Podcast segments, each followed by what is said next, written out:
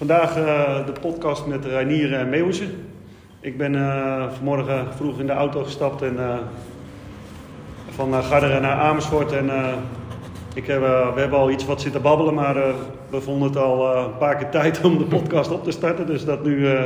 dus goedemorgen Reinier, wie ben je en wat doe je? Goedemorgen Leo, leuk om je te ontmoeten. Leuk om je hier in Amersfoort bij ons aan de thee te mogen zien hebben. En, uh, ja, ik ben Renier Meewersen. Ik ben uh, de oprichter en ontwerper uh, van Bayer Bicycle Company in Amersfoort. Wij maken eigenwijze fietsen met een bepaald gedachtegoed. En, ik ben hier om met de, werk, de werkervaring maar meteen te beginnen. En, en uh, het product of dienst, ja. Product of dienst, wij maken fietsen. Wij maken fietsen met een uh, hele eigenwijze motor die wij op afstand kunnen monitoren, kunnen checken als er wat aan de hand is. Met een keursysteem. dat houdt in dat als je remt, de batterij weer opladen. Wij gebruiken geen ketting of riem, maar we hebben een kardanas. We hebben, ik denk echt heel vernieuwende modellen. Ja. En uh, we hebben ook heel vernieuwende ideeën over de fietsindustrie en uh, waar de ruimte is. Maar hoe, hoe, hoe kom je zo om zo'n fiets te maken? Want in, in het inleidende gesprek was ja. je, ben je eigenlijk nooit geen fietsfan geweest? Zou nee, ik, ik ben helemaal geen fietser. Ik ben wel een oud topsporter, ik ben een zwemmer. Ik heb op een of andere manier altijd een pesthekel gehad aan fietsen. En dat had heel erg te maken met dat wij als kind leren fietsen. Op je, vier, eh, op je vierde word je in Nederland op de fiets gezet. Ja. En dan moet je op de fiets naar school en naar de muziekles en naar de sport en, uh, en naar de kerk. En als kind ben je altijd te laat. en wij leren onze tijd goed te maken op de fiets. Uh, dat betekent dat je zo hard mogelijk moet fietsen. En, dan hebben we ook nog een beetje last van onze Calvinistische aard. En dat is dat als iets fijn is geweest, dan is het niet goed geweest. Dus als wij niet met de tong uit de mond buiten adem en zweet op de rug aankomen, dan is het niet goed geweest. En dat is precies waar ik een hekel aan heb. Ja. Als ik in de auto stap, dan geef ik ook niet plankgas. Ik rij rustig. Ik hou ontzettend van auto's. Ik hou ontzettend van racen. Ik ben uh, een groot fan van de Formule 1. En dat al uh, zeker 40 jaar. Dus toen het eigenlijk min of meer een amateursport was, was ik al geboeid door die sport. Wat fascineert je daarin? de complexiteit ervan. Het, een, een, een, onderschat atletisch appel wat er op je wordt gedaan. Uh, de techniek. Uh, ik hou ook heel erg van het ontwerp van raceauto's. Ja, dat is bijna puur pragmatisch. Ja, als je een raceauto instapt, weet je, dan zie je buizen en slangetjes en dingetjes. En er zit echt helemaal uh, niks meer wat, wat er voor de smoek in zit.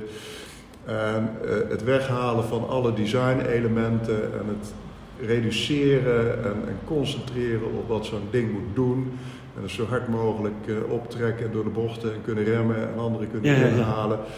Ja, dat puur gerichte design van zo'n ding, dat vind ik fantastisch. Ja, ja want die ik... design is, als, er, als we je carrière wat doornemen, dan is design, ja, vroeger was je je bijna niet geschoold of een dyslectische ja, nee, toestand? Ik ben, zo, ik ben zo dyslectisch als wat. Uh, ik heb als leren lezen en schrijven toen ik 19 was. En, uh, uh, ik heb eigenlijk altijd architect willen worden. Ik heb ook mijn best gedaan om ja, voldoende opleiding te krijgen om ooit architectuur te gaan studeren. Dat is niet gelukt. Ik heb uiteindelijk een vakschool voor de meubelbranche in Rotterdam gevolgd. Ben de meubelhandel ingerold en ben op een gegeven moment uh, zelf met de meubelwinkel begonnen. En vanuit die meubelwinkel ontstond een uh, ontwerpstudio. En via die ontwerpstudio ben ik meubeltjes gaan ontwerpen en interieurs, maar op een gegeven moment ook architectonische dingen. En mijn laatste klussen zijn eigenlijk puur architectonisch geweest. Ja. Dus ik ben een gemankeerde uh, uh, architect. Ik ben een ontwerper per ik ben eigenlijk constant bezig met vorm. Ik ben gefascineerd door vorm en de taal van vorm.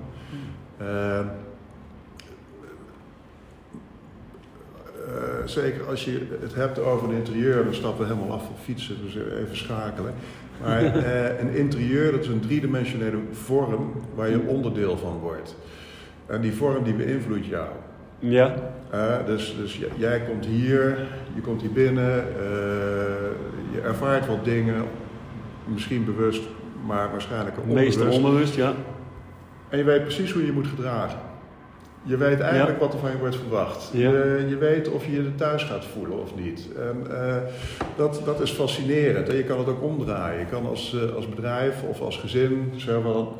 Uh, dit is wat wij willen overbrengen. Ja. En in feite breng je de cultuur van een bedrijf of een gezin over.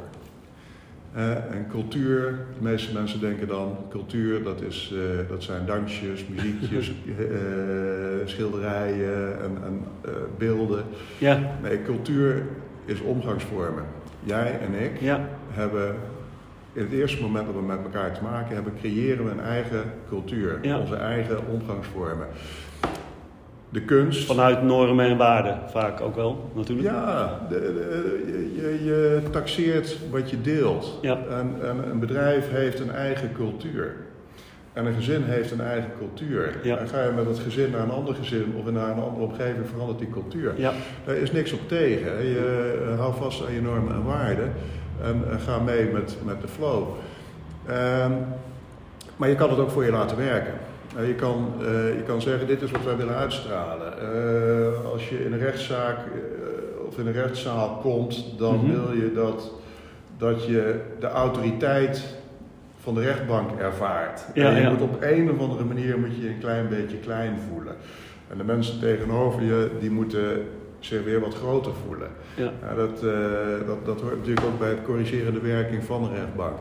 Nou, als je bij een heel uh, conservatief bankbedrijf binnenkomt, financiële Mhm. dienstverlener, weet ik veel wat. Uh, daar, in de financiële dienstverlening zijn ze uh, risicoavers.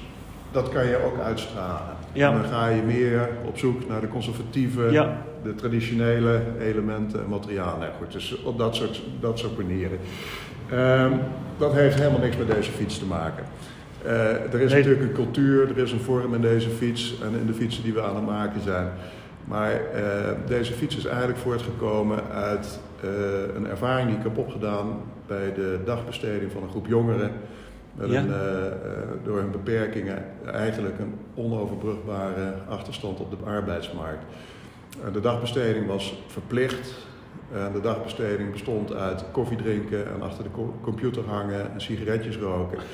en die jongens en meisjes die waren zich uiteindelijk uh, uit verveling elkaar de hersens aan het inslaan. Ja. En uh, uh, ik, ik ben toen op een gegeven moment gevraagd om eens mee te kijken en eens na te denken over, over wat, wat er aan de hand was en of er wat aan gedaan zou moeten worden. Uiteindelijk denk ik dat ze me meer vanwege de breedte van mijn schouders hebben gevraagd. en uh, in de hoop dat ik die jongens en meisjes aan elkaar zou houden. Ja. Uh, maar dat ben ik niet gaan doen. Ik, uh, ik kwam er heel snel achter dat ze de hele dag elkaar ja, zich ontzettend zaten te vervelen.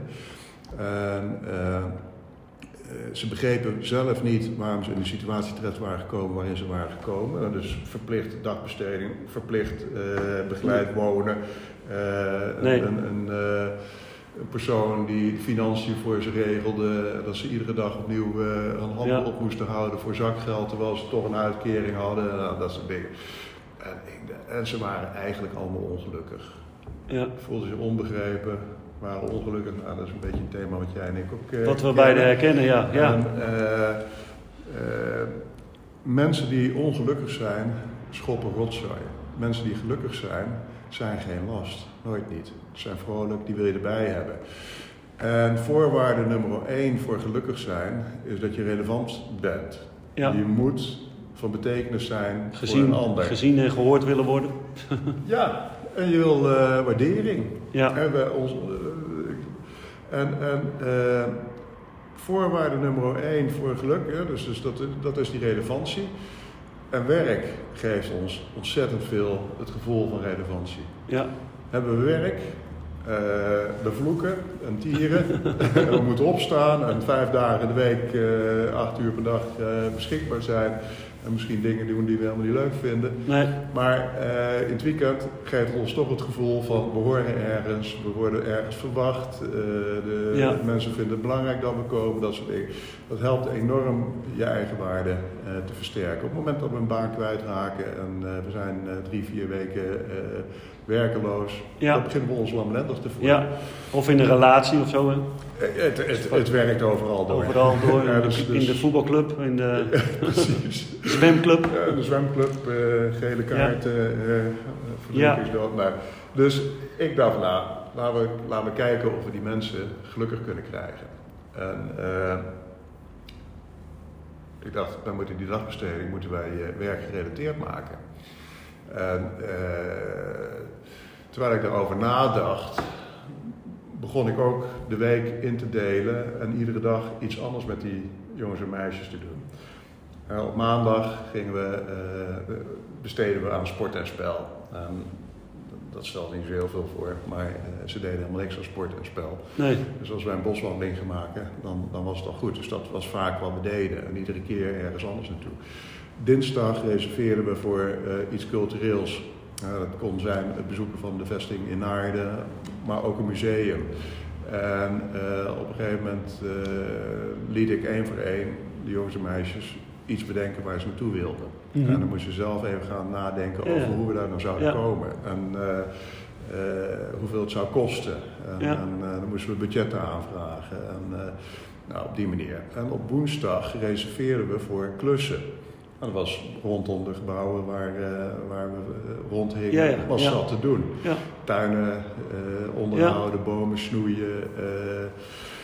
en terwijl ik zo met die mensen bezig was, zag ik ook hoe belangrijk de fiets voor ze was. En hadden ze een fiets, dan waren ze koning te rijk. En dan konden ze op tijd op hun afspraken zijn. En dan konden ze meerdere afspraken op een dag maken. Dan kreeg je ook weer de waardering natuurlijk, want Nou ja, onderwaardering als je gestraft wordt, als je te laat wordt. Het, eh, absoluut. En eh, eh, je bent ook eh, beperkt als je gewoon je niet Ja. kan, kan eh, voorbewegen. En hadden ze geen fiets, dan stapten ze weer in de tram of in de bus. En dan hadden ze geen geld voor, dus ze werden Nee. weer als zwartrijders opgepakt. Zwartrijders, voor de ja. later. Dus het vergroot alleen maar... Cirkel, hè? Visuele, Ja, visuele cirkel, ja. absoluut. En eh, nou ja, alleen, was de band lek, lag de ketting eraf. Dan eh flikkerde ze de fiets in de heg en dan begon ze weer te lopen. Dus op een gegeven moment dachten we, nou, dat is toch wel jammer. En ik weet wel hoe ik een, eh, een ketting erop moet leggen. En ik weet ook eh, eh, hoe ik een band moet plakken. Dus Ja. misschien moet ik dat maar gaan doen voor ze. Dus ik ben op donderdagochtend zijn wij fietsen gaan onderhalen. Ja, Nou, ik zei, neem die fiets maar mee, niet in de heg flikkeren, we gaan repareren. Nou, de eerste keer dat ik dat deed, stonden ze gewoon in een cirkel om me heen te joelen. ja. Heel herkenbaar, heel die- die- kakken die eh, hun fiets ging repareren, dat vonden ze wel wat. Ja, Maar het, eh, het- het heeft geen uren geduurd of ze gingen helpen. ja, En eh, terwijl ze daarmee bezig waren, zag ik wat ze konden en wat ze niet konden. En eh, ze konden heel snel allemaal redelijk goed een band plakken. En ze begrepen ook dat als je de oorzaak van een probleem niet weg zou nemen, dat het probleem iedere keer weer terug zou komen. ja. En ook het weer erop leggen van de ketting, dat ging prima. Ehm, hadden ze eh, eh, alleen, weet je, de, de ketting alleen maar erop leggen is niet voldoende. Nee. Dat ding dat ging eraf. Wacht hij de morgen Nou, weer af. Of Precies. daarna Dus wat moet je doen? Spannen en smeren. Nou, ik de, de boel gesmeerd, dan lag de hele vloer eh, onder de olie. Alles En, onder de olie. eh, hadden ze de, de ketting gespannen, dan stond het, eh, stonden de tandwielen bijna haaks op elkaar en de, de, de, de ketting snaar strak. ja, En reed de fiets gegarandeerd niet meer. Nee. Maar goed, dat maakt er niet uit. Weet je. Dan, eh, als ze even niet keek, dan eh, corrigeerde ik toch snel. En, nou, en ik zag, het gaf ze heel veel voldoening. En ze konden weer fietsen. ja, En terwijl ik op zoek was naar iets eh, wat zij als, als werkmatige dagbesteding zouden kunnen doen, dacht ik op zo'n moment dat ik bezig was met die fietsen en ik zag het weer helemaal fout gaan met het spannen van een, eh, van een ketting. Misschien moet ik maar eens een fiets ontwerpen die zo simpel in elkaar zit, dat als je veters kan strikken, een fiets kan bouwen. Ja. Ja, meteen daar, dat moet Daar, je doen. Niet daar, doen. is, daar is dit idee eh, Ja, daar is dit geboren. idee. Of, Ja, precies. En ik, heb, eh, ik dacht gewoon letterlijk op dat moment vooral niet doen, niet mee bemoeien. Dus, want als, eh, als designer, je, je laat me net eh, hiervoor een, een beeld zien wat Ja. je hier hebt hangen.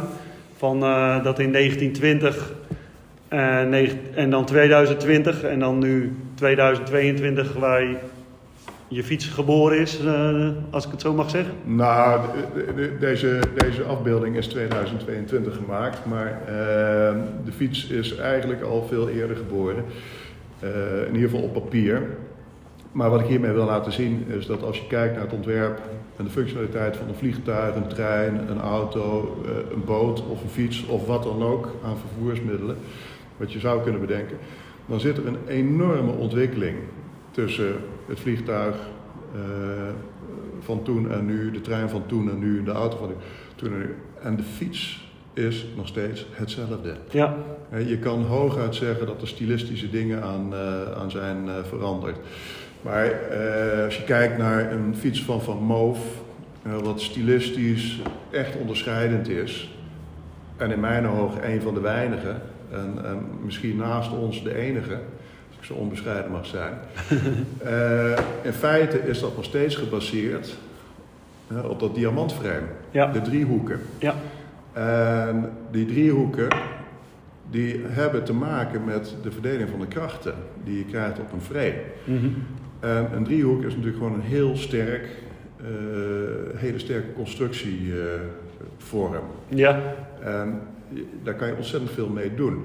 Maar je moet je ook realiseren dat toen wij fietsen begonnen te maken en auto's begonnen te maken, dat het werken met metaal als constructiemateriaal mhm. eigenlijk helemaal niet zo had bewezen. Eh, Ik weet niet of je je realiseert dat de Eiffeltoren gebouwd is om te laten zien dat je ook met metaal gebouw kon maken. Dat is de reden geweest waarom de Eiffeltoren is gebouwd. Tot die tijd dacht iedereen dat je het alleen maar zou kunnen doen met, eh, met hout, ja, eh, aangevuld met steen en verder niet. nee, Nou, wij hebben in de afgelopen 100 jaar ontzettend veel kennis opgedaan als het gaat over legeringen en constructies en andere dingen. En de vrijheid die we hebben gekregen eh, door die kennis, die wordt niet toegepast bij fietsen. En dat wordt wel gedaan bij vliegtuigen en, en treinen en, en auto's en boten. ja, Als je kijkt naar een zeilboot van eh, 2000, of, eh, 1920, ja, eh, de, de, de, de raceboten uit ja, 1920 en je kijkt waar ze nu de Ocean Volvo Race mee gaan varen, ja, dat is zo'n knettergroot verschil. ja, En dat kunnen we ook met fietsen. ja, dat is inderdaad, eh, eh, het is Eh, nog altijd het basismodel eh, ja. met een ketting en, eh, en twee wielen en een frame, zou ik maar zeggen. Ja, nou ja, wij, wij hebben dan geen ketting, maar we hebben een cardanas. En dat heeft te maken met dat, eh, toen, toen ik eenmaal aan deze fiets begon te schetsen. En deze fietsen, want ik heb in een kwartiertijd eh twintig eh, schetsjes gemaakt van verschillende fietsen. Ja, En, eh, dat komt, dan, dat komt dan zo in je brein op, of is, is dat... ja, ik, ik, dat is al... ik zat smiddags, hè, toen, toen ik s ochtends bedacht van misschien moet ik maar eens een fiets ontwerpen die zo simpel in elkaar zit, dat ik dat met hun kan bouwen. En dacht, moeten we vooral niet doen. Toen zat ik smiddags in een oersaaie vergadering. En toen moest ik even aan dat idee weer denken. En toen heb ik gewoon stiekem eh, in een kwartiertijd wat, eh, wat schetsjes zitten maken. ja, En je, dit, dit, in feite, ik laat je nu eh, de fiets der fietsen zien. ja, ja, Dat, dat is waar ik op uitkwam. Ik dacht dat als we deze fiets hebben, dan hebben we een fiets waarbij alles geïntegreerd is, wat net zo vernieuwend is hè, als, als de vliegtuigen van vandaag, Ja, ja. van 100 jaar geleden. En waar je alle kanten mee op kan. En de Cardanas heeft te maken, eh, die komt voort omdat ik dacht van als we fietsen gaan maken met deze mensen, dan moet er geen ketting op zitten. nee. Want dat wordt niks. En, eh, Nee, want aan een kardan-aandrijving hoef je in essentie niks te doen, toch? Dat klopt. Maar eh, zo simpel als het lijkt, en hier heb je er eentje voor je. Ja, Zo simpel als het lijkt, eh, het vergt extreem veel precisie. Ja, dat eh, wil ik geloven. Want Eh, ja, als er maar iets uit de leiding is, dan krijg je wrijving en slijtage om- natuurlijk. je, lage, sche- je, je kan niet een, een as onder een hoek laten draaien. Nee. Dat kan gewoon niet. Even voor, voor iedereen die luistert, wat is een kardanas? Een kardanas dat is in feite de aandrijving die je bij auto's treft, die van de motor naar de achterwielen gaat. Eh, een auto heeft geen ketting meer, dat had het 100 jaar geleden ook nog. en, eh, eh, een kardanas is eh, misschien iets zwaarder, maar slijt niet. Eh, ik kan me niet voorstellen dat er iemand is die, eh, die, die, die ooit naar de garage moet omdat zijn kardanas stuk is. Nee. Ik heb er nog nooit van gehoord. Nou, dat gaat met, eh, als je je fiets hebt gemaakt met een kardanas, gaat het ook nooit meer gebeuren.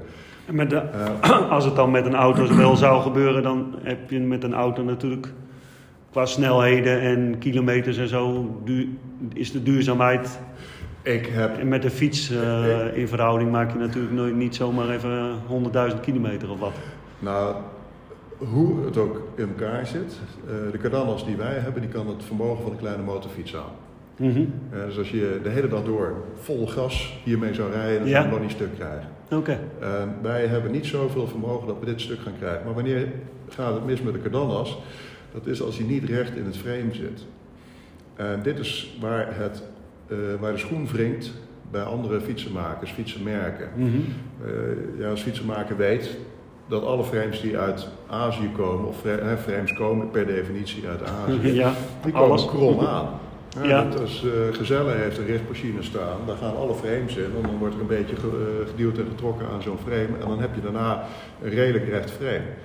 Eh, een ketting heeft redelijk wat speling. Ja. En eh, ik, weet, ik denk dat een band iets, iets preciezer is.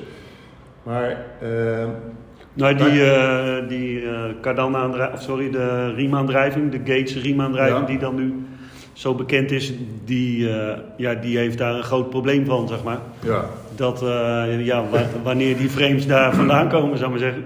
ja, En dat zie je aan, aan de merken die dat heel hoog in het vaandel hebben staan, zeg maar zeggen. Dat daar de riem veel langer meegaat dan, de, dan bij de andere fietsen, zeg maar. ja, En dat kan wel eh, kan een verschil zijn van 10.000 kilometer naar 25.000 kilometer, zeg maar. Dus dat zijn eh, ja, twee, drie keer langer mee. En dan, ik ken wel eh, het merk, even kijken, groot Brik, Brik is het. Ja, dat is ook een merk met kardanaandrijving. klopt. En die hebben wel een traditioneel frame. Ja, En je hebt ook Bijkzo, dat is een eh, producent van eh, eh, vouwfietsen. ja, Brik komt uit Nijmegen, Ja. Bijkzo komt uit Utrecht. Dus Ja. het zijn, eh, of de beeld eigenlijk. En eh, het zijn dus, eh, volgens mij zijn het drie Nederlandse merken die met uh, werken. ja. En dat is allemaal vergelijkbaar met deze. En maar zie je het ook in, is dat echt iets Nederlands of is, zie je dat ook in eh. Nee, Amerika? want, Of, eh, nou, ik ken geen ander. Nee, er is een Deens merk geweest wat ook uh, cardanassen gebruikte. En 100 jaar geleden was er een Frans merk wat uh, fietsen met cardanassen uh, ja? ja, want het is al, eigenlijk al heel oud, hè? Ja, weet je, dat, dat- is, wat dat betreft hebben we niks nieuws bedacht. Nee, Alleen nee. wat wij wel hebben bedacht is dat wij uh, geen ellende met die uh, cardana's willen hebben. Wij hebben om te voorkomen, dat kan ik hier laten zien, de cardanas moet er ontspannen in kunnen. Ja. En als je dat vastzet aan het frame, mm -hmm. mag er geen spanning op zitten. Nee.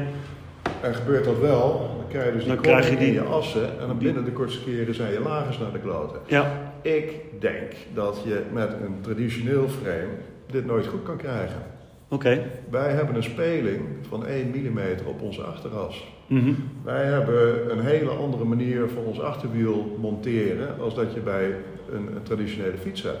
Maar heb je, dit, heb je dit goed, dan heb je het voor altijd goed. Ja. ja dat betekent... En heb je, heb je daar, ben je daar zelf als. Uh, is dat de, de, combinatie van de designer in jou uh, en de techneut? Of, uh, ja, met, nou, an, met de andere de, partners? Of? Precies. Ik denk dat hier een, een, een klein legertje van zo'n 100 man aan heeft gewerkt. Oké. Okay. En ik. Uh,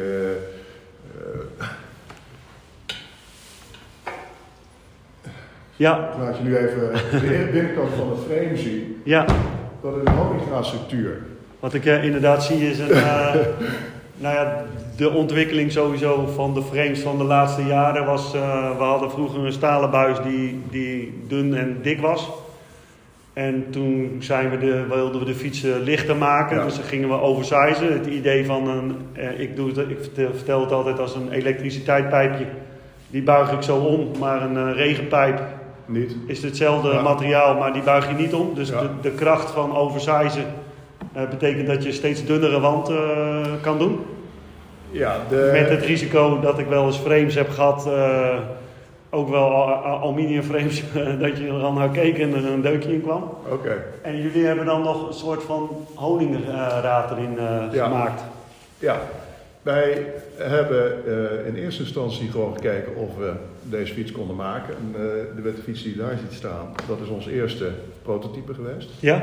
Dat is het nog steeds. Moeder. En moeder is van staal. En je ziet dat die buis ook iets, eh, iets dunner is. Of eh, iets, iets minder fors. Vanaf het moment dat we die fiets hadden, we hebben er flink op gereden. En we hebben ook eh, flink met die motor getest. Toen we eenmaal een beetje door hadden hoe de crux van die fiets in elkaar zat, zijn we alleen maar gaan kijken hoe we het beter konden maken. Dus die fiets die rijdt nog steeds. En die staat al zeker zes jaar stil. Mhm. Ik heb pas voor de ANWB, die kwam hier eh, kijken. Ja? En heeft gekeken of die motor, of we die opgestart kregen. Die, die doet het nog steeds. Ja. Die, die is al eh, vijf jaar niet meer opgeladen. Nee, Er zit nog steeds prik in. nee. En dat tegenwoordig is het, eh, als je hem een maand laat liggen of veel Ja, langer, dan maar de- de- is het eh, einde verhaal. Deze batterijen moeten 40 jaar mee kunnen. Deze Dat is een fiets- hele andere gedachte, zou ik maar zeggen. Ja, deze hele fiets moet 40 jaar mee kunnen. Eh, en, en eigenlijk langer dan dat. Eh, ik, ik wil iconische dingen maken die, eh, waar mensen altijd blij mee zullen zijn en, Ja. en trots op zullen zijn. Mijn voorbeeld is eigenlijk een beetje de autobranche. Ik wil een beetje de Porsche onder de fietsenmakers worden. Ja, ik had ergens gelezen van Tesla. dat het de, de Tesla van de fietswereld. Ja, dat is, dat, is, dat, is dus ook goed. Technisch gezien denk je dat we daar eh, best wel wat in te, eh, te melden hebben. Maar Tesla heeft zich als iconisch merk, als merk wel, maar niet als model, hè, eh, Nee, nee. nog niet bewezen. Nee, En Porsche, weet je, als je een Porsche koopt, die blijf je de rest van je leven houden. Of in ieder geval, als jij er klaar mee bent, koopt iemand anders hem. Maar die Ja. dingen die rijden over 60 jaar nog rond. ja. En dat is wat ik met deze fietsen wil. Ik Ja. wil dat ze gekoesterd worden. En het interessante van Porsche als voorbeeld is dat het een, eh, een auto is dat als je echt wil, dan kan je ervoor sparen. Misschien nog niet nieuw, maar er is altijd wel een tweedehands te vinden die, die bij Ja. jou, jouw budget Ja. past. Eh, en met de Porsche kan je ook naar de Albert Heijn om boodschappen te doen. Dat kan niet met Maserati, dat kan niet met Lamborghini, dat kan niet met Ferrari. Nee, En eh, die, hebben geen, die hebben weinig praktische waarde. Ik wil iconische dingen maken met echte praktische waarde. ja. Ik wil dat mensen hierop gaan fietsen. Maar ik wil dat mensen zich identificeren met deze fiets. Dat, dat, dan komt weer die cultuur terug in je vormgeving. Ja, Eh, je kan alles technisch zo duurzaam maken als je wil, maar als je niet ervoor zorgt dat de emotie die erbij hoort ook zo duurzaam is, dan, dan, dan faal je aan alle kanten. Ja. Dat gaat gewoon niet eh, gebeuren. Dus het moet technisch in orde zijn, het moet vormtechnisch in orde zijn. Nou, eh, daarna moet natuurlijk... mooi. Zo heb ik niet veel. eh, ik zit al wat jaren natuurlijk zelf in de branche, maar nooit op die manier naar gekeken. Dat is, en ergens wel waar ik, waar ik op aanging, zeg maar, dat ik jou op, op eh, LinkedIn je berichten voorbij zag komen. Ja. En dat ik dacht van, ja, voor mij is, nou ja, voor mij gaat, is waardigheid heel erg belangrijk. En dat ik mijn, mijn, rond mijn waardes steeds meer had over eh, zeg maar duurzaamheid, efficiëntie en veiligheid. En toen zag ik, eh, hoorde ik over de fiets die 40 jaar meegaat. Ik dacht, nou, dat heb ik nou nog nooit van een fietsenmerk gehoord. Dat ze, dat ze dat durven te zeggen, zou ik maar zeggen. Ja, Want het is eerder eh, van. het is ook een in de. Nou ja, als we, we hadden het ook over cultuur. Eh, het is gewoon geworden, zeg maar, dat je een fiets hebt met eh, vanaf de bedrijfsfietsenplan, zeg maar. Hè, dat je eh, kocht je een fiets van 7,49. En dat mocht dan drie jaar, maar over drie jaar moest je natuurlijk wel weer een nieuwe fiets hebben. ja. En dat, nou ja, een, een van mijn dingen waar ik me voor inzet is. zo'n slogan van geef je fiets een tweede ronde, want weggooien is zonde. Ja. Omdat we, en als je dan ook hoort, ik had er onlangs gesprekken met de ANWB. En die hebben 5 miljoen leden en 2% daarvan is niet geneigd om een tweedehands e-bike eh, te kopen. Om met alle nadelen Ja. daarvan, de angst, zeg Ja. maar. Hè? Maar die begrijp ik wel. Eh, heel simpel, eigenlijk kan je rustig zeggen dat alle e-bikes die er nu zijn, dat zijn aangepaste normale fietsen. En een normale fiets, als je, als je een standaard fiets met 24 versnellingen bij wijze van spreken koopt. En die wordt gemaakt om met 1000 kilometer per jaar 7, 8 jaar mee te gaan. Eh, de gemiddelde Nederlander fietst 17 km per uur zonder ondersteuning. De gemiddelde Nederlander met ondersteuning fietst 25 km per uur en gaat veel meer fietsen. De e-bike, als dat een aangepaste standaard fiets is, die rammelt gewoon binnen vijf jaar aan elkaar. Maar eh, jij hebt er waarschijnlijk meer ervaring mee dan ik. Eh, Ik, ik sleutel alleen- maar aan mijn eigen fietsen. Nou ja, gemiddeld is het eigenlijk al zo dat eigenlijk we zitten ook nou, qua onderhoudsverhaal, en dat is natuurlijk waar jullie eigenlijk niet naar gekeken hebben, maar wel wat, wel een enorm resultaat is, is dat 80% van de Nederlandse fietsers rijdt door tot de fiets stuk is. Ja, En dan is het help. En dan moet je maar zien dat je een fietsenmaker vindt die het wil maken. En, en dan ook voor het geld wat jij te besteden hebt, zou ik maar zeggen. ja. Eh, nou, ik, ja, ik heb echt een eh, DNA, eh, hart, liefde. van alles is fiets, zeg maar. Dus als ik inderdaad. Nou ja, de net liep ik hier ook buiten uit de parkeergarage. En ik, nou, ik, ik, dan hoorde ik al een fiets aankomen, zeg maar. En dan is het al, oh jee. En, eh, toen stond ik zo voor je etalage en toen dacht ik van, hé, eh, dat is wel een. Ja, dat is dan toch een hele andere oplossing. Want ik zie niet ergens op de fiets waar die eh, Nee. zou kunnen aanlopen of ratelen Nou, of doen, zou ik maar zeggen. Nee, de, de, de montage, de assemblage van deze fiets vergt wel wat anders. En we hebben dat wel moeten leren, van hoe dat in elkaar zit. En, eh, hier zet je eerst het achterwiel aan de kardanas vast en daarna zet je eigenlijk pas de kardanas vast. En het kan best zijn dat je wiel dan shocking klem tegen het frame aan zit. Maar dan moet je met je spaken, moet je die gaan bijspaken. Ja, ja. dus je moet zorgen dat die eh, of, of wat meer naar links of naar rechts gaat. Ja, ja. Dus, dus niet de traditionele gedachte van een wiel moet met zo'n centreerapparaat voor 100% in het midden zitten. Nee. En daar merk je in de rij-eigenschappen niks van. Dat hij trekt naar links of naar rechts. Of, eh, Ik, eh, ik weet niet of ik dat hier moet, eh, bekend moet maken. maar deze fiets is 100% asymmetrisch. Ja, Hij is echt helemaal asymmetrisch. Ja. Je kan deze fiets niet maken als die symmetrisch is. oké. Want Dus, dat is een gedachte die wij hebben. Ja, Dat een fiets symmetrisch moet zijn. Nee, je hebt veel meer ruimte nodig voor die kardanas. Ja, En je wil redelijk eh, je pedalen centraal hebben. Mhm. dus dus dat, dat redelijk symmetrisch hebben. ja, Maar in feite fiets je een beetje zo met ons. ja. En, eh, Maar de, als je kijkt naar de wegen, zeg maar, dan die zijn ook eh, bol, zeg maar. Ja. Want je ziet vaak dat een, een band altijd maar alleen aan, aan de buitenkanten gesleten is, zeg maar. Dat zou, dat zou wel een goede betekenis zijn dat bij jullie de band meer bovenop gaat slijten. Of is dat eh, de, de, Eh, gedachtespinsel? eh, Wij hebben. kijk, wij zijn pas drie jaar op de markt Mhm. en, en op de weg. Er staat mij niks van bij dat wij tot nu toe al banden hebben verwisseld. Eh, buitenbanden in ieder geval. Binnenbanden, ja, een enkele ging toch stuk. Rijdt wel eens lek. Maar daar hebben we dit voor tegenwoordig. Ja, En wij, eh, dit is echt geweldig. Dit Ja. is een eh, solide binnenband. En daar merk je helemaal niks van als je hierop rijdt. Ken je dit? ja, ja, ja, ken ik. Ja, ja. het merk Shure waar ik... eh, Supreme eh, bij, Dutch. eh, Oké. bij eh, eh, in het kijken mensen, zeg maar, die gebruiken ook eh, de banden met die, eh, wat, ja, hoe noemen we het? Een foam of een, eh, Eh, nou, het ziet er een beetje uit als eh samengeperst, eh, gepofte rijst. ja, Maar eh, eh, En het band die heeft een dikte, of een, een, ha- een hardheid die overeenkomt met eh, 3,5 3,5 eh, bar, hè? bar, Ja. ja. en Ja. dat is precies wat, eh, wat wij als ideaal vinden voor onze fiets. Ja, Hier kan je dus gewoon een mes in steken en, en doorrijden. En daarmee, zij, zij zeggen, je kan hier zorgeloos 10 jaar op rijden. ja, En als je hem dan gewoon twee, drie weken eventjes uit de band haalt, dan kan hij weer helemaal terugkomen in zijn oude vorm, kan je weer 10 jaar verder. Oké.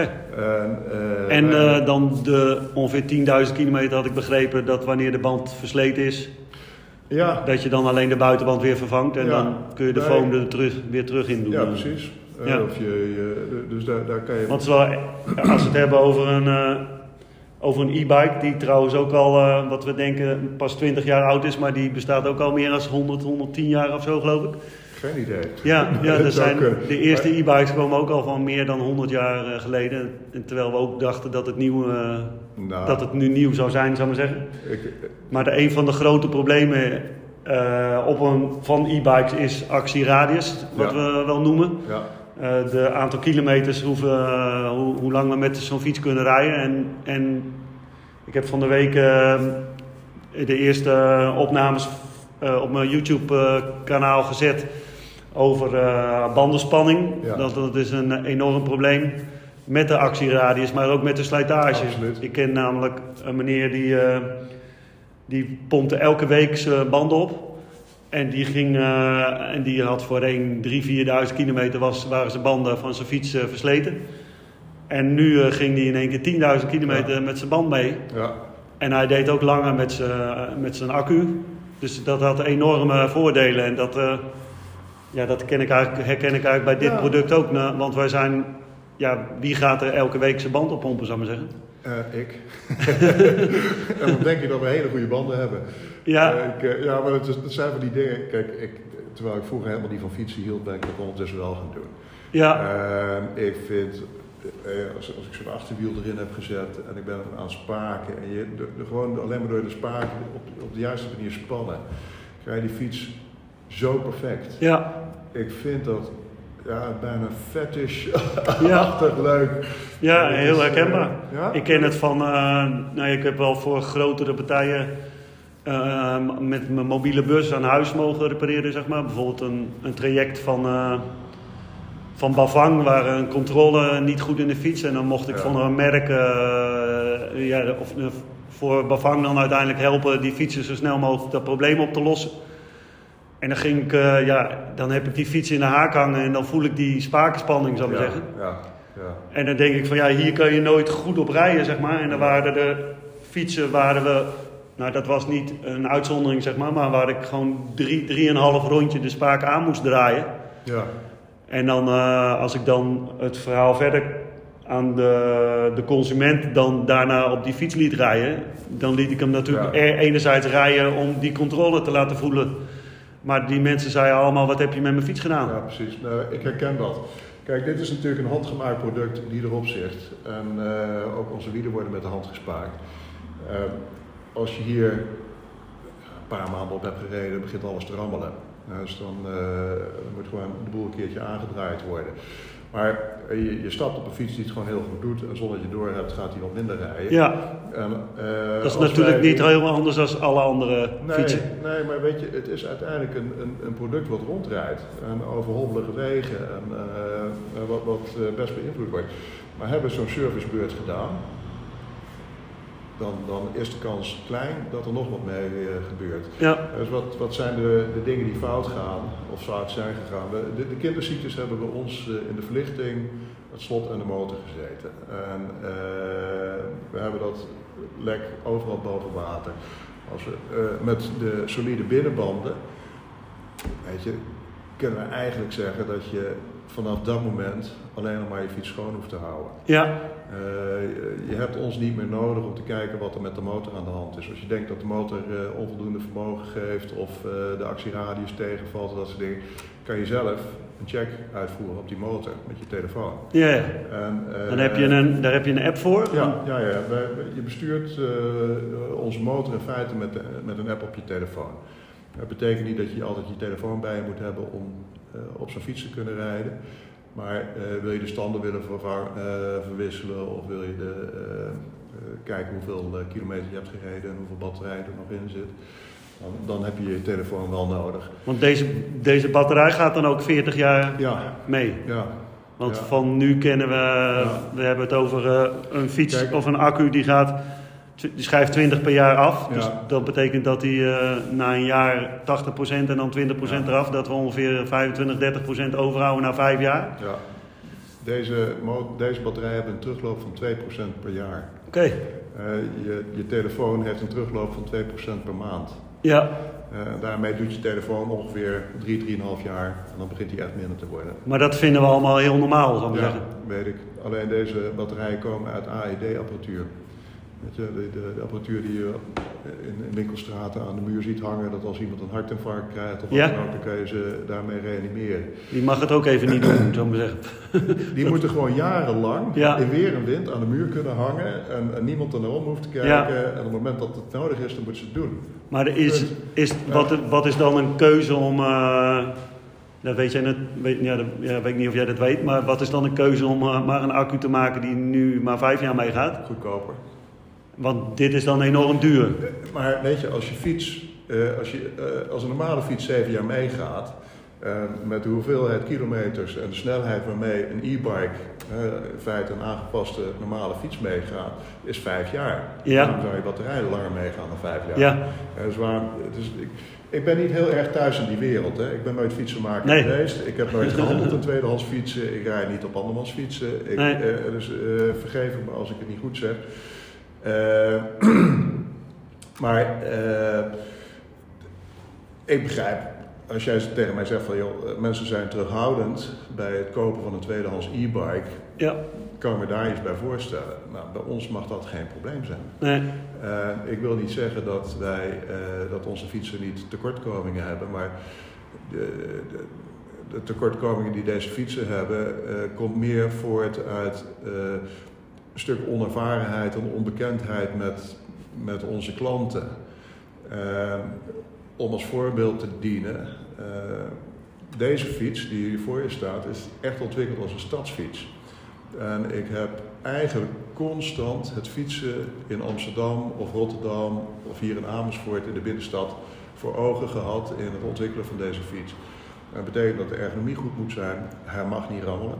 Ik heb een pesthekel aan de fiets, dus alles moet vastzitten. Hij moet een enorme stijfheid hebben, hij moet een wendbaarheid hebben. En hij moet je comfortabel, uh, zo comfortabel mogelijk van A naar B helpen. Ja, ook wel het, En- een soort ontzorgen. Ja, sowieso. Want dat, eh, dat is wel een, eh, een populair woord tegenwoordig ja, natuurlijk. Maar hè. sowieso. Nee, maar mensen moeten met trots op je fiets kunnen rijden. En als hij rammelt, dan uh, schaam je rot. Dus dat mag helemaal niet. Nee. En ik, vind, ik, ik stoor me er mateloos aan aan een rammel in de fiets. Kan Ja, helemaal niet ja voor mij, wat ik zei, heel herkenbaar. Ja. Dat ik het wel eens...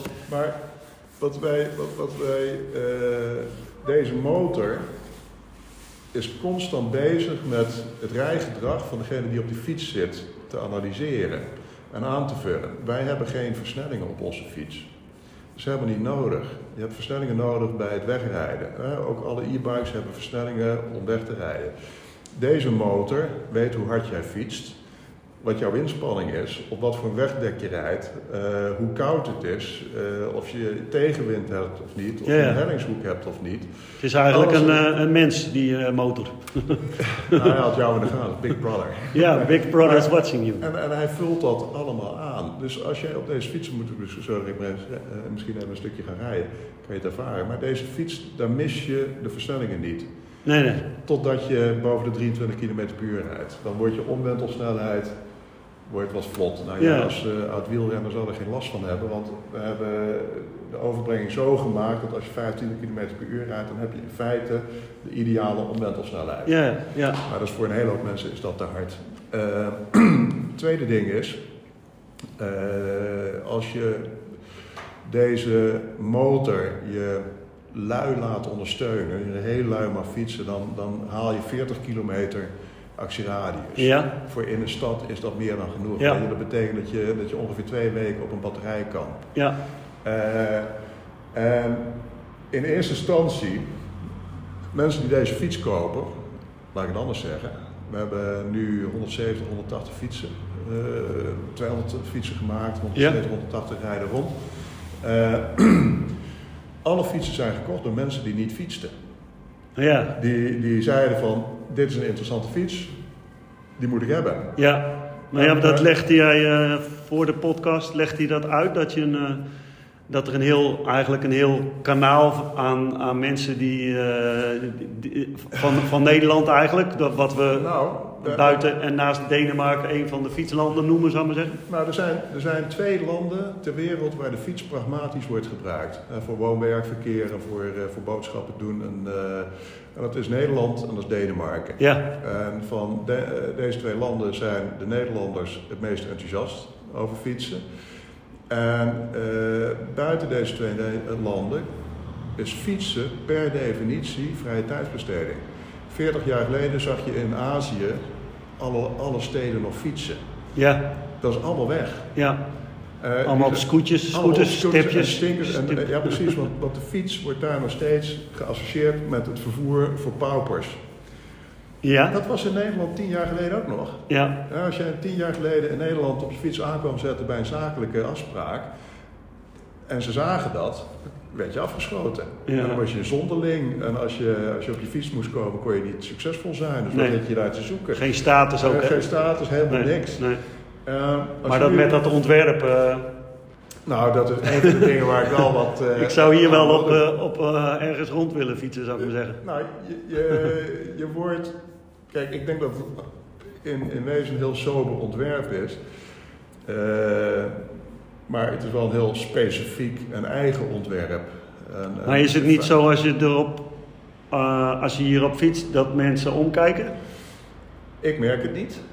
Dat je denkt Eh, van, maar wat mij wel opvalt, dat is als ik naast mijn vrouw fiets, dan krijgt zij complimenten. Maar ik nooit. ik krijg nooit wat te horen.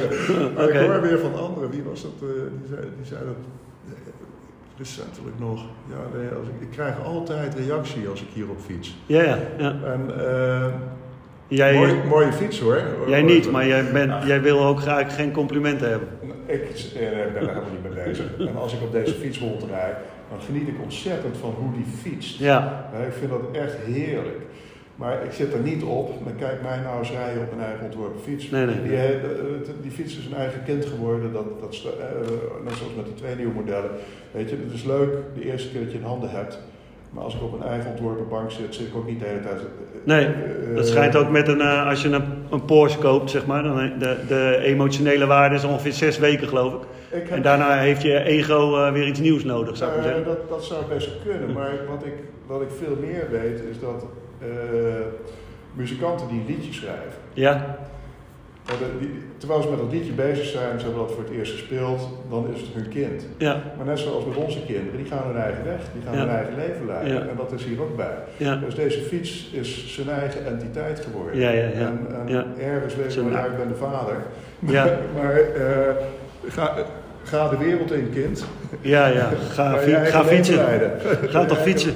En eh, ik, ik geniet wel van de reactie van mijn klanten. En ik geniet echt van dat mensen hier, eh, dat, mensen deze fiets echt fantastisch mooi vinden. Er zijn natuurlijk een hele hoop die hem echt heel erg lelijk vinden.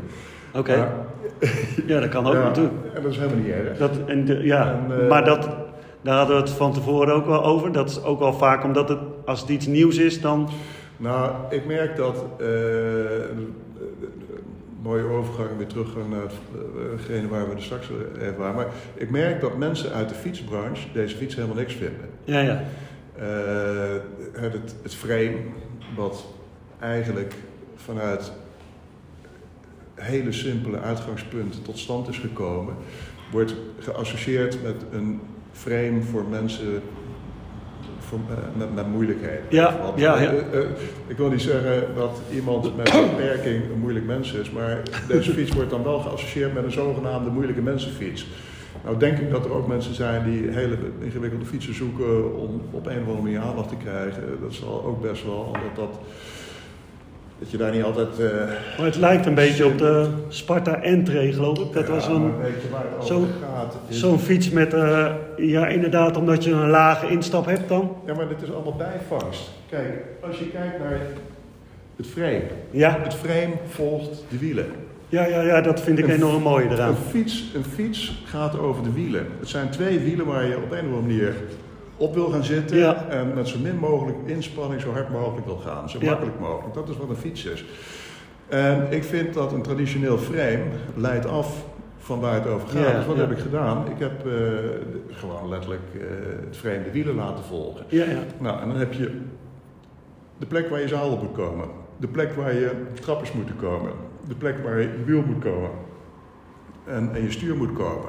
Dat zijn gewoon, daar kan je, daar kan je niet veel in variëren. Nee. Je- centimeter hier, een centimeter maar, maar meer is het niet. Nou, als je dat een plek geeft en je verbindt alles met elkaar, krijg je dit ontwerp. Ja, ja, je, je, je as is altijd wat hoger dan je, trap, eh, je, trapas. Ja, En als je dat in een rechte lijn doortrekt tot waar je het voorframe raakt, krijg je deze vorm. En dan krijg je deze, deze lage instap, een Ja. brede instap. ja. Maar het is zoeken naar de eenvoud. Ik, ik heb gewoon in alles, in alles wat ik ontwerp, zoek ik altijd naar de eenvoud. Ik wil naar de essentie. Ja, ja. Ik wil. Weet je, het is, het, als, je, als je het helemaal tot het minimale reduceert, wordt het hartstikke interessant. Ja, ja, ja. het is ook een beetje. Ja, dat, dat is eh, denk ik qua. Dat is ook eng, zeg maar zeggen. Ja. nou, we leven in de tijd eh, van dat alles technologisch moet zijn. En eh, in mijn oude vakgroep, ik denk dat de meeste architecten gewoon techneuten zijn. En die vinden het fantastisch om met AutoCAD eh, een plattegrond te trekken, te tekenen. En dan aan het einde van de dag dat hele gebouw zo op, om, omhoog te trekken. Ja, En dan een calculatieprogramma eroverheen te laten gaan. En dan weet ze precies welke ramen erin moeten komen. En dan hebben ze daar staat van hoeveel baksteen erin gaat, hoeveel beton, hoeveel staal. Dat. Nou, ik, ik, ik vind het fantastisch dat er mensen zijn die dat, die dat willen. Maar het ingenieurswerk laat ik graag aan een ander over. Laat mij maar gewoon tekenen. En, Ja, ja. en, en mijn fantasie de loop. En dan ook met deze fiets, weet je. Kan het simpeler dan dat?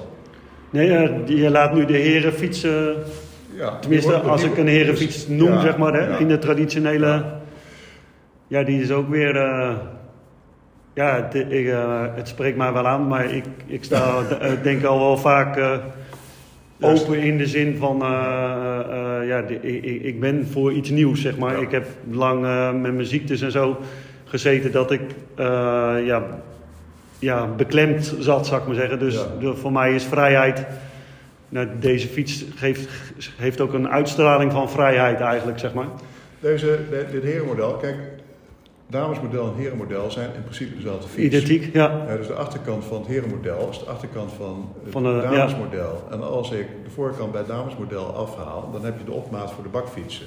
Ja, Dus het is in een lijn eh, gewoon verschillende modellen kunnen maken. En we kunnen deze fietsen zo direct in titanium, aluminium, roestvrijstaal, gewoon staal, eh carbon fiber maken. ja. We kunnen ze in elkaar lijmen, plakken, of eh, plakken, lijmen, Ja. hetzelfde. eh, popnagelen, nagelen, schroeven, lassen.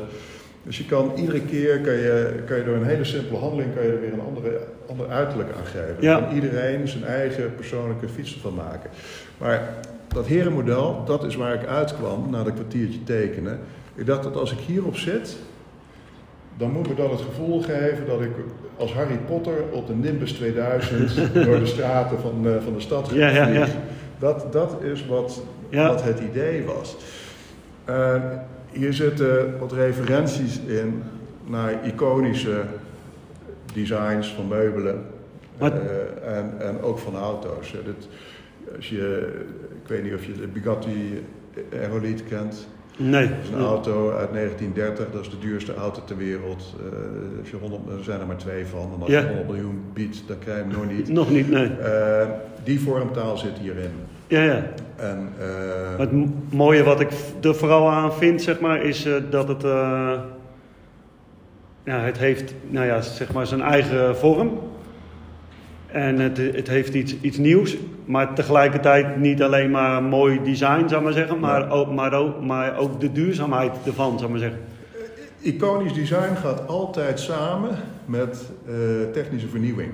Ja, Ja, dat als, je, als je kijkt naar de Tizio, eh, de, de jaren 80 kreeg je, eh, had je de opkomst van eh, halogeenverlichting. Uh, de Ticcio-lamp. Uh, referentie qua meubelland zit hier de uh, stoel van Charles Eames in.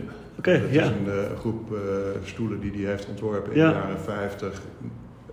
Met verschillende, eigenlijk met een basis aantal onderdelen. Door één onderdeel te veranderen een hele andere stoel kunnen maken. Dat is deze fiets. Ja, ja, ja. ja. En, de aandrijving die hierin zit is de aandrijving die we in onze huidige fiets hebben vervolmaakt. Alleen wel met toevoeging van een versnelling. Ja, ja. De actieradius, daarin, daar kunnen zo direct net zoveel batterijen aan de motor vasthangen als je wil. Ja. Dus als iemand zegt ik moet een actieradius uh, van 500 kilometer hebben, dan kan je dat bij ons krijgen. Ja, ja. dus actieradius is straks geen probleem meer bij ons, snelheid is geen probleem meer bij ons. Uh, we hebben eigen vormen. Ik denk dat we technisch een heel stuk verder gaan. Ja. Waar gaat de vergelijking lopen met Tesla? Dat is dat wij op het gebied van veiligheid, connectivity en een hele hoop andere zaken uh, nog wat dingen in petto hebben. ik wil je dat best vertellen, maar niet op de podcast. ik, net zo goed als deze modellen niet op internet te vinden zijn, nee. deel ik dat ook nog eventjes niet.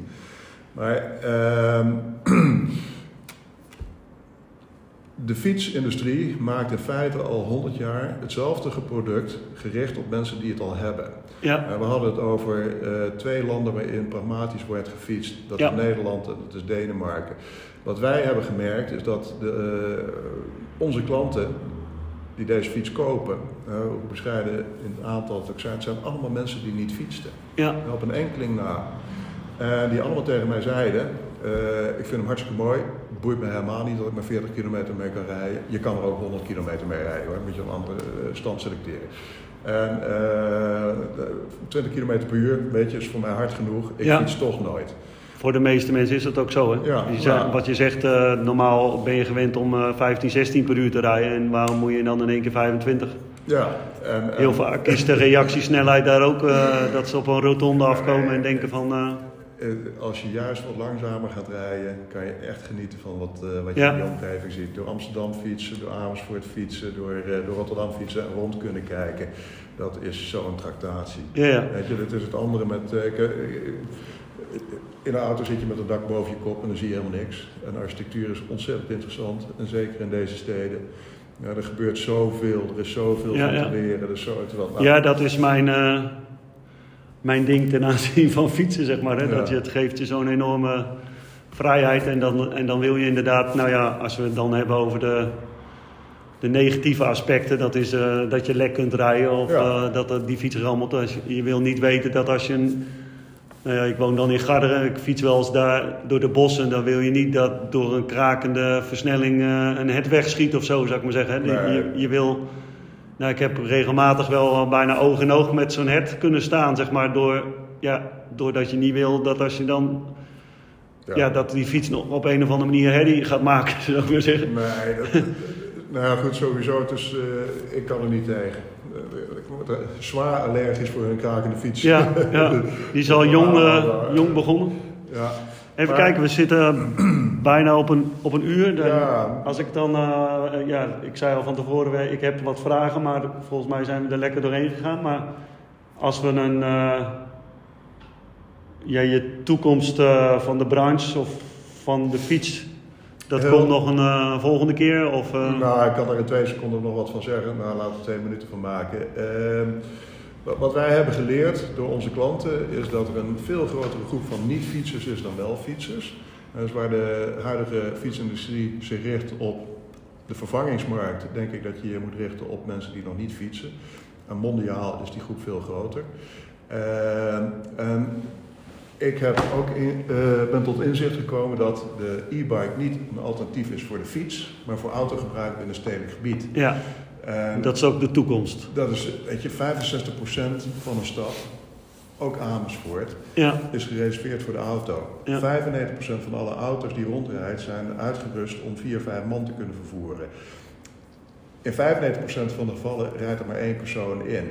En in 98% van de tijd staat die auto geparkeerd. Het is compleet krankzinnig. ja, Het is idioot dat Ja. we 65% van ons leefgebied opgeven voor iets wat we eigenlijk niet gebruiken. Dat we daar zoveel aan besteden. Dat is idioot. Ik zie de e-bike als de opmaat, en daar sorteren wij op voor, voor micromobiliteit. Ja. We gaan kleiner rijden, we gaan specifieker rijden en als we iets anders nodig hebben gaan we dat huren. Dan krijg je green wheels die je daarvoor pakt. Eh, en e-bikes gaan naar een snelheid van 60 km per uur met een actieradius van minstens 600 kilometer. En dat heeft niet te maken met dat we dat in Nederland of Europa nodig hebben, maar dat is wel wat nodig is als je eh, mensen uit een land zoals Amerika op de fiets wil krijgen. En die willen ook op de fiets. Want Ja. die hebben precies hetzelfde probleem als wat wij hebben. Ja. Steden waar de leefbaarheid volledig verdwijnt. Ja, je ziet eh, steeds meer steden natuurlijk die, eh, waar de auto niet meer in, in kan of mag. Het kan ook gewoon niet meer. En ik vind zelf eh, Denemarken daar wel een mooi voorbeeld van, zeg maar. Daar heeft de fiets meer plek dan, eh, dan de auto. Ja, Eh, ja, de- ja, in, in, in de basis hebben we dat natuurlijk in, in, in onze Nederlandse steden ook. Maar ik moet je eerlijk zeggen, ik ken de deze steden niet. Dat, Nee, ja, ik heb, ben daar dan geweest, zeg maar, en met name in Kopenhagen. Dan heb Ja. je echt, dan, dan, dan is het, wat, wat hier een eh, autopad is, dat is daar eh, Ja. een fietspad. En, Ja. en waar, wat hier een fietspad is, is daar de autopad, zou ik maar zeggen. manier. En, eh, en, en, en, eh, en eh, sommige stukken inderdaad helemaal autovrij. En dan kun je, eh, nou, ik wil je, nee, dat, ja, dat snapt iedereen zeg maar, dat je dan heerlijker, lekkerder fietst dan al die auto's die om je heen razen. En tegenwoordig is het misschien andersom, omdat je dan eh, een elektrische auto, waar je Ja. dan het laplaces van schikt, omdat je die niet hebt horen aankomen. En dat heb je ook wel het verschil natuurlijk met de e-bikes. Hè? Die, eh, die, nou ja, dat je zelf 20, 25 rijdt en dat er dan iemand voorbij komt die 50 rijdt, zou ik maar zeggen. Dus onze infrastructuur is nog lang niet eh, dat wat het, ja, wat we, Nee. ja, waar we naartoe willen natuurlijk. Maar Nee, maar vooral, eh, de wal is het schip aan het keren, ja, zoals dat heet. En eh, we, we kunnen ons daartegen verzetten, maar het is, het is onmogelijk. Wij gaan binnen 40 jaar naar allerlei vervoersoplossingen die ergens tussen de voertuigen zitten die we kennen. ja, Eh, De e-bike is in feite natuurlijk een, eh, een tussenoplossing tussen motorfiets en een fiets. ja, er is straks ook een tussenoplossing tussen de motorfiets en de auto. ja. En, Ja, het de is de hele nieuwe... Ja, Ik heb, ben on- onlangs eh, was ik ambassadeur, of ik ben ambassadeur van de nieuwe beurs, zeg maar, de World of E-Mobility. oké. En dat is eigenlijk wat, er, eh, ja, wa- wa- ja, wat er eigenlijk al gaande is, maar Ja. wat daar op die beurs gepresenteerd wordt, zeg maar. Oké. Die is altijd, eh, of die wordt eigenlijk elk jaar eind oktober georganiseerd in eh, Amsterdam. Ah, En daarin, eh, ja, daar, is, daar, is- daar ziet die fietsenbranche, die autobranche eh, meer en meer samenkomen. Hè. De, de QuickFit die eh die eerste filiaal al heeft waar eh, fietsen gerepareerd gaan worden. En dat duurt niet heel lang of dat in heel Nederland gaat zitten, zou ik maar zeggen. De autogarage, de broekhuizen. Of eh, het broekhuis die al de eerste fietsenwinkels heeft, heeft overgenomen. echt waar? Dus je ziet, ja, je ziet steeds meer dat ja, die elektrische auto die heeft eh, minder onderhoud. Dus die, ja, die monteurs, de bedrijven waar ze steeds meer elektrische auto's kopen, die monteurs die staan op werk te wachten. Ja, en, en, en, en in de steden gaat steeds meer de fiets komen. En dat wordt ook eh, gelukkig door de regering steeds meer eh, ingezet. Ze zijn nu bezig met ehm, dat er eh, de, de parkeergelegenheid natuurlijk. Hè. We, we, we zetten nu overal eh, auto's neer, maar, maar ja, hoe kunnen we onze fietsen kwijt en waar, zou ik maar zeggen? Ik, ik denk dat wij buiten het centrum moeten parkeren.